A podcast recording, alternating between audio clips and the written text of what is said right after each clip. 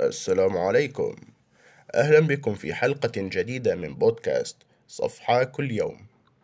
نقرأ لكم اليوم صفحة من كتاب منازل السائرين لأبو إسماعيل عبد الله بن محمد الأنصاري الهروي.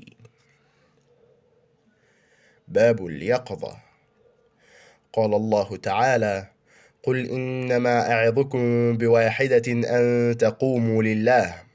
الآية القومة لله تعالى هي اليقظة من سنة الغفلة والنهوض عن ورطة الفترة وهي ما يستنير قلب العبد بالحياة لرؤية نور التنبيه.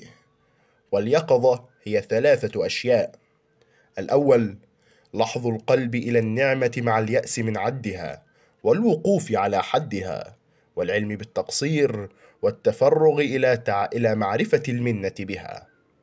الثاني مطالعة الجناية والوقوف على الخط فيها والتشمير لتداركها والتخلص من ربقها وطلب النجاة بتحميصها. الثالث الانتباه لمعرفة الزرادة والنقصان من الأيام والتنصل عن تضييعها والنظر إلى الظن بها لتدارك فائتها ويعمر باقيها.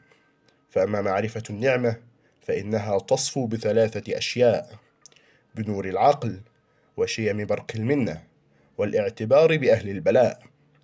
وأما مطالعة الجناية فإنها تصح بثلاثة أشياء بتعظيم الحق ومعرفة النفس وتصديق الوعيد.